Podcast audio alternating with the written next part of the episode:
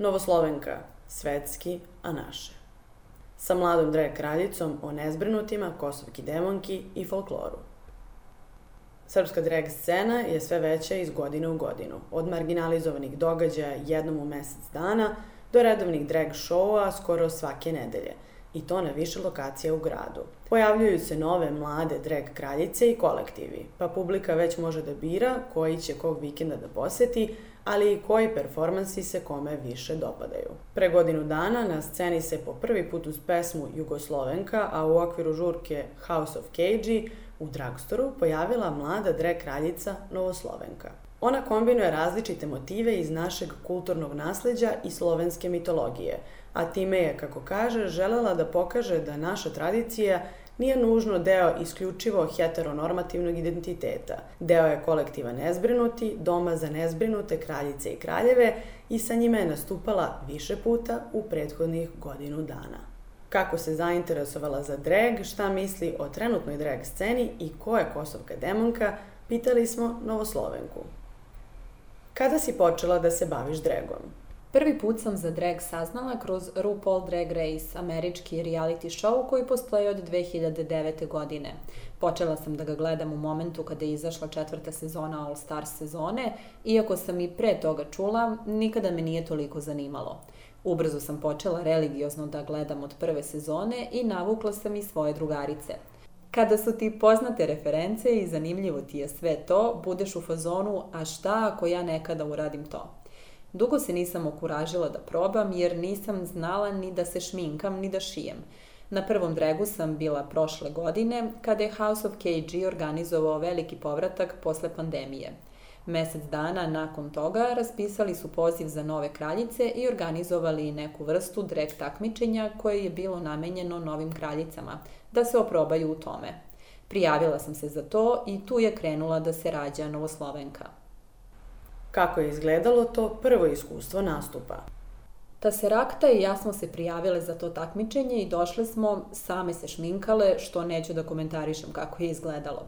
Nastupila sam sa mešapom Jugoslovenke Lepe Brene i pesme Šum, prošlogodišnjih predstavnika Ukrajine na Euroviziji. I pobedila. Otišla sam sa namerom da mi bude zabavno, a ne da pobedim, ali ljudi su se povezali sa Novoslovenkom. Opiši Novoslovenku u tri reči onima koji prvi put čuju za tebe. Svetski, a naše. Koja ideja stoji iza samog imena? Dugo sam se bavila folklorom i celog života sam se osjećala kao outsider, kao da sam stavljena u neku kutiju zbog tih strogo podeljenih muških i ženskih stvari, od koraka do nošnje.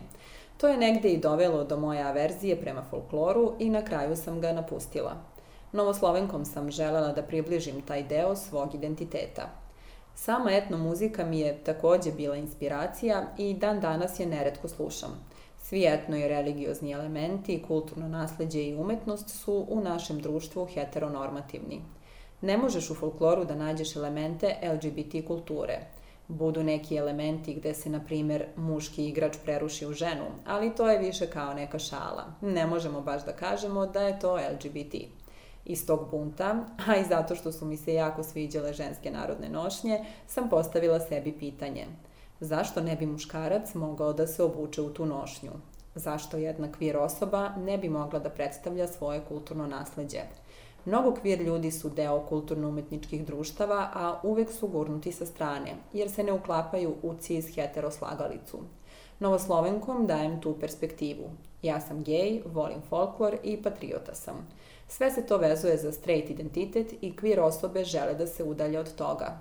To je problem, jer ljudi koji vole ovo područje i svoju zemlju, baš zbog toga što su queer, ne smatraju sebe delom toga.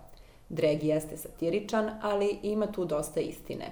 Ako u svom postu citiram pesmu o Marku Kraljeviću, to nije zato što želim da ga izvrgavam ruglu, već zato što volim našu epsku književnost.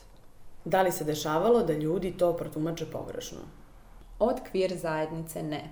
Ona sama ume da bude dosta satirična prema hetero društvu i da bude borderline heterofobična. Oni su to prihvatili kao puku satiru. Mislim da i dalje nemaju potpunu sliku o Novoslovenci, da je neki deo svega toga i istina. To mi malo smeta, jer misle da je to nešto što samo treba da isprovocira nekoga, ali verujem da treba da prođe neko vreme kako bi shvatili. Kada je o straight ljudima reč, moram reći da sam nailazila na dobre reakcije, što je možda i moja sreća. Skoro sam otvorila TikTok nalog, jedan video koji sam okačila je postao viralan i imam preko 128.000 pregleda. Očekivala sam da će tu biti svega i da će reakcije biti burnije, ali nisu. Ljudi su uglavnom bili u fazonu aha, šta je ovo, umesto umri transvestitu. Opet, verovatno da je i to tako jer nisam otišla baš u žižu javnosti. Koje su sličnosti, a koje razlike između tebe i tvoje drag persone? Novoslovenka je slobodnija i ljubaznija prema ljudima. Možda neočekivano za drag kraljicu. Uvek imam na umu da drag radim zbog sebe i svog izražavanja, ali i publike. Šta ti najteže pada kada se spremaš za nastup? Uvek najviše volim da imam mesec dana da sve spremim. Najteže mi je da prevedem koncept publici i da shvati šta sam želela da kažem. Da preskočim čak i šminku i outfit, najteže mi je da prenesem svoju zamisao ukoliko je kompleksna i poruku. Bitno mi je da sve to ima neki smisao. Iako mi u Srbiji jesmo na početku neke ozbiljnije drag scene, mislim da više nije dovoljno da staviš periku, obuješ štikle i izađeš na scenu. Performans mora da ima neki sadržaj i zato se uvek fokusiram na to da mi nastupi imaju neki koncept i poruku i da ljudi mogu da se poistovete, jer samo tako mogu da budem relevantna ljudima. Ispričaj mi neku anegdotu sa nastupa. Prošle godine na Monster Balu u organizaciji KG sam htela da prenesem sliku kosovke devojke i kada se završio nastup, prišao mi je jedan lik i rekao baš je strava što si napravila foru sa kosovkom devojkom da bude kosovka demonka.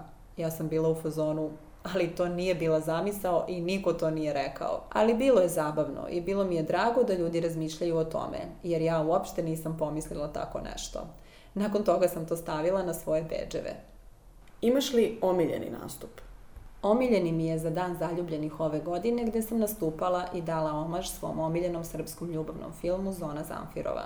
Nastupala sam sa Taseraktom i najviše sam zadovoljna njime. I publika je najbolje reagovala. Dosta pažnje posvećuješ estetici na svom Instagram profilu. Koliko smatraš da je to bitno? Moja profesija inače je grafički dizajn i na Novoslovenku sa te strane gledam kao na svoj dizajnerski projekat. Za neke vizuale mi pomaže i prijatelj Vladimir Pavlović, koji je takođe deo kolektiva Nezbrinuti. Ceo moj Instagram profil je jedan vid storytellinga gde koristim elemente balkanske i slovenske kulture i pravim neki svoj narativ. Meni i ljudima u mom kolektivu je bitno da imamo strava postere, najave, vizuale i mislim da i ljudi to vole da vide ispunjavate da vidiš lep dizajn.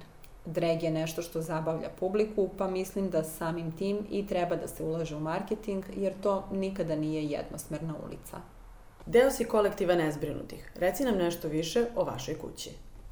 Da, mi smo kolektiv, na reč kuća smo malo alergični jer smo imali dosta loših iskustava, pa nam se ne čini da je to dobar vid prakse, jer drag kuće u Srbiji nisu kao što su u Americi.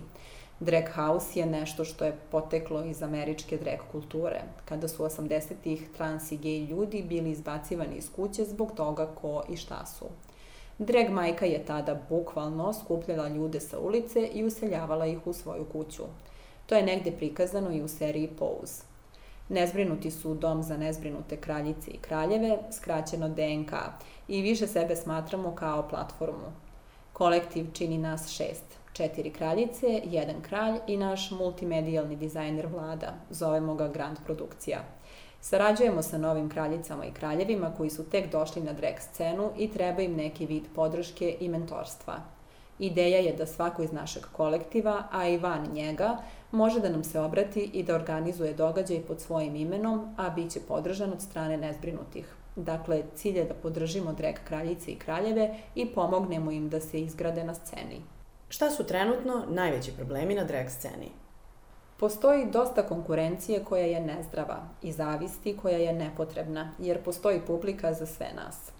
Pored toga, ne postoji dobra infrastruktura prostora koji će podržati drag događaje, jer je u pitanju ozbiljna produkcija koja zahteva više stvari od mikrofona. U Beogradu ima nekoliko mesta koja su koliko toliko ok, a prostori koji su baš dobri su skupi. Iako raste broj drag događaja, i dalje je to underground. Od drega se trenutno ne živi, za drag se živi. Svi to radimo jer volimo i jer nam je zabavno. Ko su ti najveći uzori u dregu? Uzori su mi svi ljudi sa kojima blisko radim. Delimo dosta sličnu volju za dragom. Osoba koju na našoj sceni dosta poštujem zbog svega što je uradila je Sonja Sajzor, transaktivistkinja i drag kraljica, koja je donela drag u Srbiju zajedno sa dekadencom i markizom. Ona je proživela dosta stvari kao trans osoba, a dosta stvari je uradila za nas.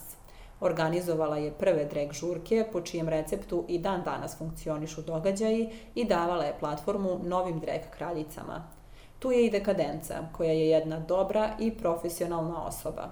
Kada je reč o svetskom nivou, voljela bih da se malo udaljimo od RuPaul Drag Race-a, jer, što bi dekadenca rekla, to je neoliberalni kapitalizam koji melje ljudsku kreativu zarad 45-minutne epizode. Vučem dosta inspiracije odatle, ali mora da bude nešto odomaćeno. Radije bih dala omaž lepoj Breni nego Britney Spears. Šta bi poručila nekoj mladoj osobi koja želi da se bavi dragom? Najbitnije je da ta osoba bude autentična i da osmisli neki unikatan koncept koji je prijemčiv ljudima, kako bi se poistovetili. Mislim da je to bitno, pogotovo sa balkanskim dragom.